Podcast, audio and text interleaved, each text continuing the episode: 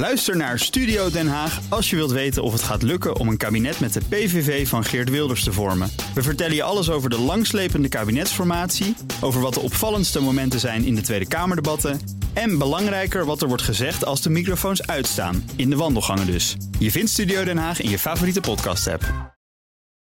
Auto-update.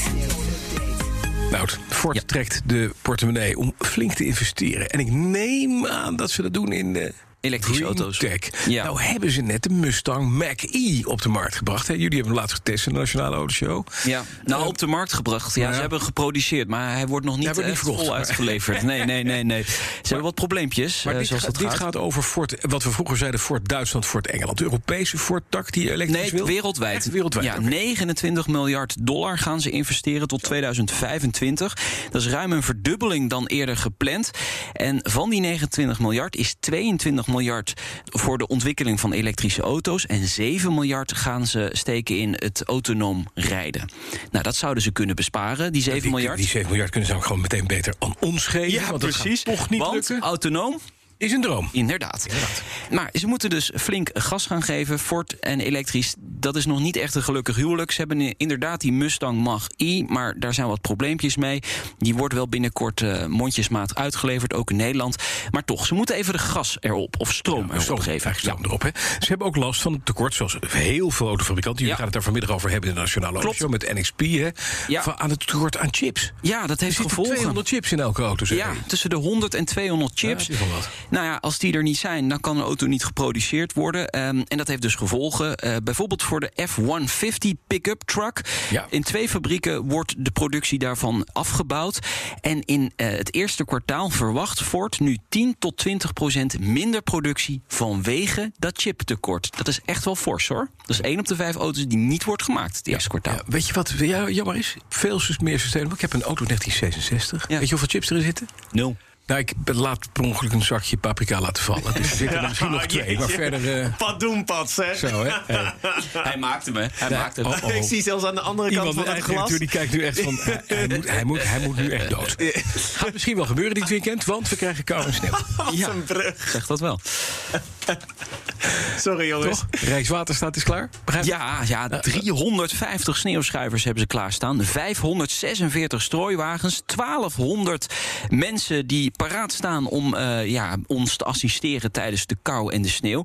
En volgens Rijkswaterstaat kunnen alle wagens samen bij elkaar dus binnen twee uur tijd alle snelwegen in Nederland afrijden. Dat is ongeveer 10.000 kilometer. Binnen twee uur. Ah, ja, dit, maar dit, dit vind ik altijd van die dingen waarvan we zeggen... nou, we- hebben later dan iedereen het vaccin...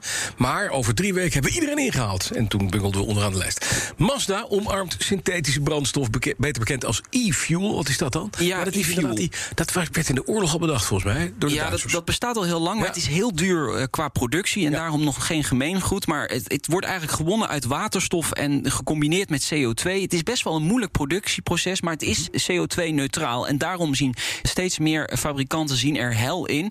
Nou, Mazda treedt nu als eerste autofabrikant toe tot de e-Fuel Alliance. Dat is een alliantie waarin eh, allerlei partijen samen gaan zorgen voor het ja, ontwikkelen van e-fuel. Porsche ziet er Zit ook er ook toekomst in. Ja, zeker. Die waren er maar bezig. Ja. Ja, eh, die denken ook dat het eh, vooral voor hun eh, sportauto's, dus bijvoorbeeld voor de Porsche 911, een hele goede oplossing is. Want dan hoeft hij niet elektrisch te worden. Want Nee, dan kunnen ze CO2-neutrale eh, brandstof En aanbieden. dan hoeven ze geen emissierechten te kopen van Elon Musk. Een bijzondere Porsche, over dat merk gesproken, gaat vandaag onder de hamer. Hè? De reuzendoder.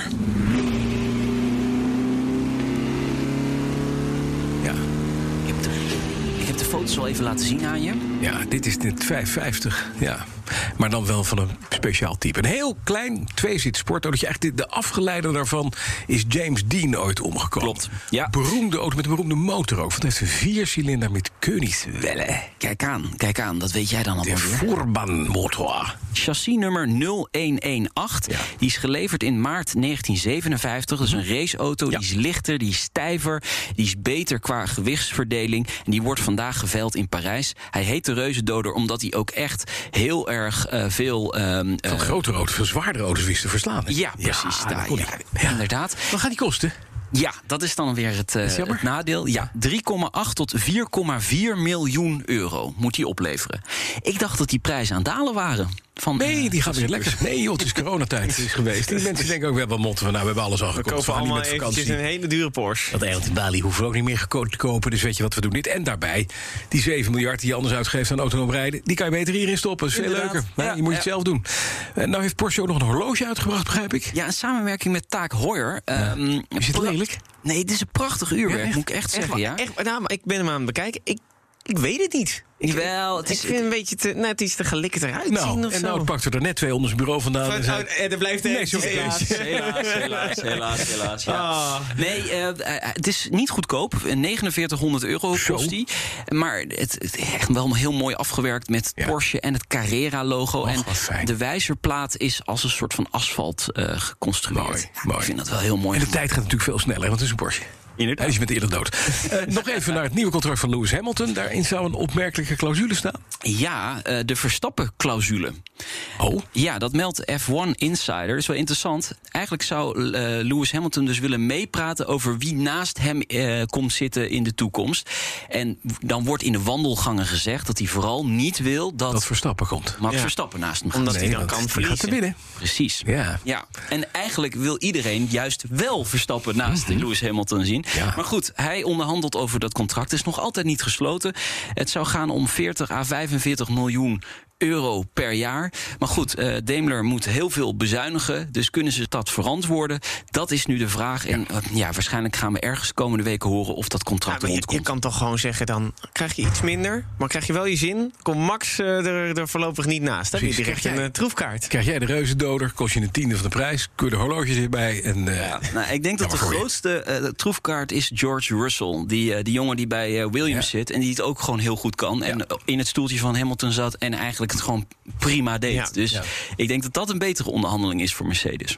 Nee, het is George Russell, hè, niet Jack Russell. Nee, ja, inderdaad, George Russell. Laf Zei ik. Jack? Nee, toch? Nee, dat zei uh, Iwan uiteraard. Dankjewel. Nou, het Broekhoff. De autoshow is vanmiddag om drie uur terug te horen, eh, te horen en terug te luisteren via de bekende kanalen. Eh, daar vind je meer mooie automotive podcasts. Ook een nieuw product van, van Nout en Meijnerd. En dat heet BNR Mobility. Ja. En uiteraard... Van jullie geven dan weer tegengas met de petrolheads. Ja, De auto-update wordt mede mogelijk gemaakt door Leaseplan. Leaseplan. What's next? Ook Bas van Werven vind je in de BNR-app. Ja, je kunt live naar mij en Iwan luisteren tijdens de ochtendspits. Je krijgt een melding van Breaking News. En niet alleen onze podcast Ochtendnieuws, maar alle BNR-podcasts vind je in de app. Download nu de gratis BNR-app en blijf scherp.